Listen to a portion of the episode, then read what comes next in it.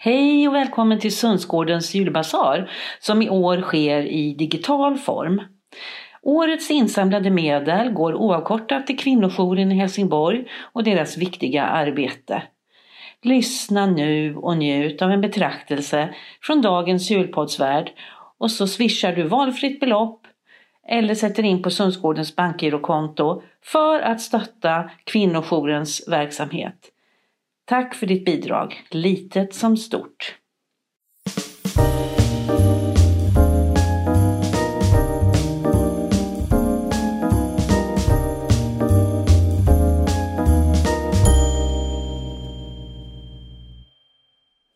Jag heter Emma, jag jobbar på Frälsningsarmén i Helsingborg. Den här julen reflekterar jag mycket över vem Jesu mamma Maria var. Det kan vara så att vi vet någonting om henne. Kanske vet vi just att det var hon som var Jesu mamma. Kanske vet vi att hon var jungfru enligt den kristna tron. Men i övrigt så känner vi kanske inte till så jättemycket om henne.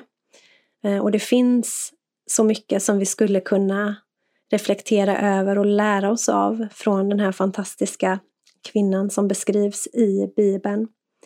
Hennes berättelse utifrån julevangeliet eh, kan vi hitta bland annat i Lukas evangeliets första kapitel. Och eh, där får vi förstå att Maria får en kallelse utav en ängel väldigt tidigt i livet.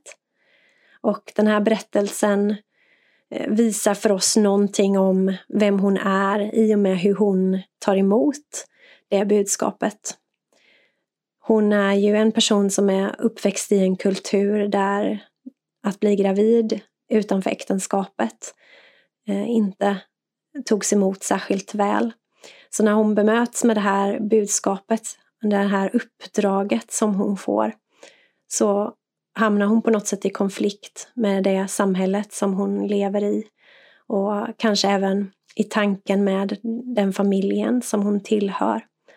Det är en utmaning för en ung kvinna att våga ta emot den här kallelsen.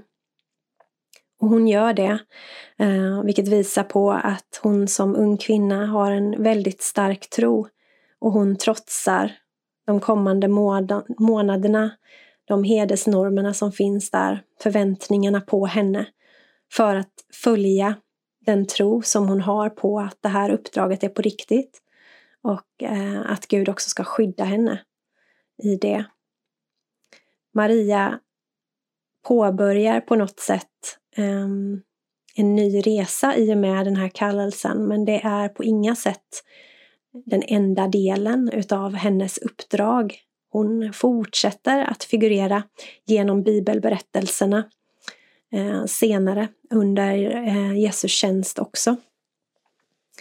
Och det är väl kanske den delen som vi inte vet så jättemycket om. Eh, men det var faktiskt så att i den tidigare kyrkan så betraktades Maria i högsta grad även som ledare. Hon eh, beskrivs genom till exempel tidig kristen konst som både präst och biskop.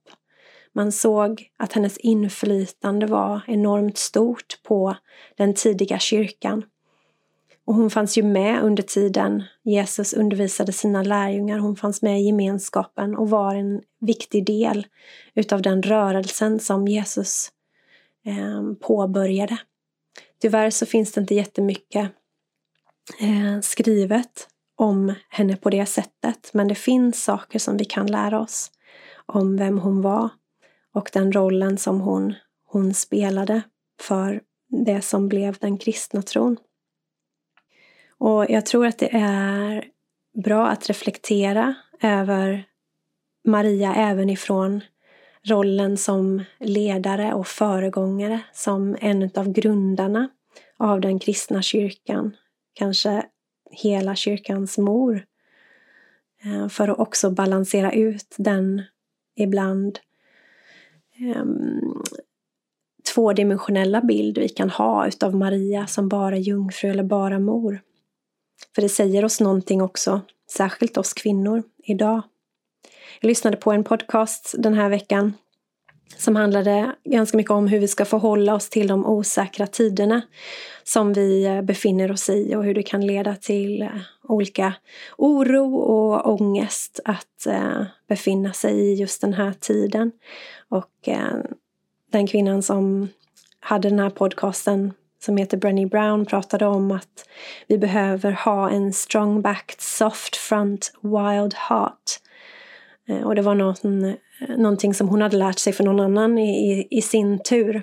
Men just hur man eh, på något sätt skyddar sig själv från att bli hård i hjärtat menade hon på är så viktigt i den här tiden. Att vi kan fortsätta att vara medmänskliga.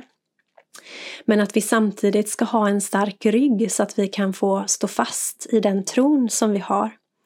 Så strong back, soft front, wild heart. Och just det här vilda hjärtat menade hon då för oss som tror på Jesus och på den kristna tron handlar om att eh, våga tro att Gud också kallar oss till eh, kanske omöjliga saker. Eh, och det tror jag att eh, Maria är ett väldigt eh, fint exempel på där en, en kvinna har just alla de här tre sakerna. En, en stark rygg, vågar stå emot förväntningar från samhället, kanske från familjer för att stå upp för sin tro och följa den väg som hon själv har förstått att hon ska gå på. Att ha ett mjukt hjärta för att kunna ändå ta in andra människors lidande och ta in det som eh, sker runt omkring henne. Att vara en del av en rättvis rörelse. Och ha ett vilt hjärta där man på något sätt vågar göra det som verkar helt omöjligt. Både för sig själv och kanske utifrån det större sammanhanget som man är i. Så det reflekterar jag över eh, den här julen, att eh, Maria var en kvinna som vågade trotsa normer, trotsa det som verkade omöjligt i form av hinder. Eh, och att våga säga ja till det livet som hon förstod att hon skulle leva. Och ge på det sättet utav sig själv till en sån vid grad att hela mänskligheten på något sätt har, har påverkats.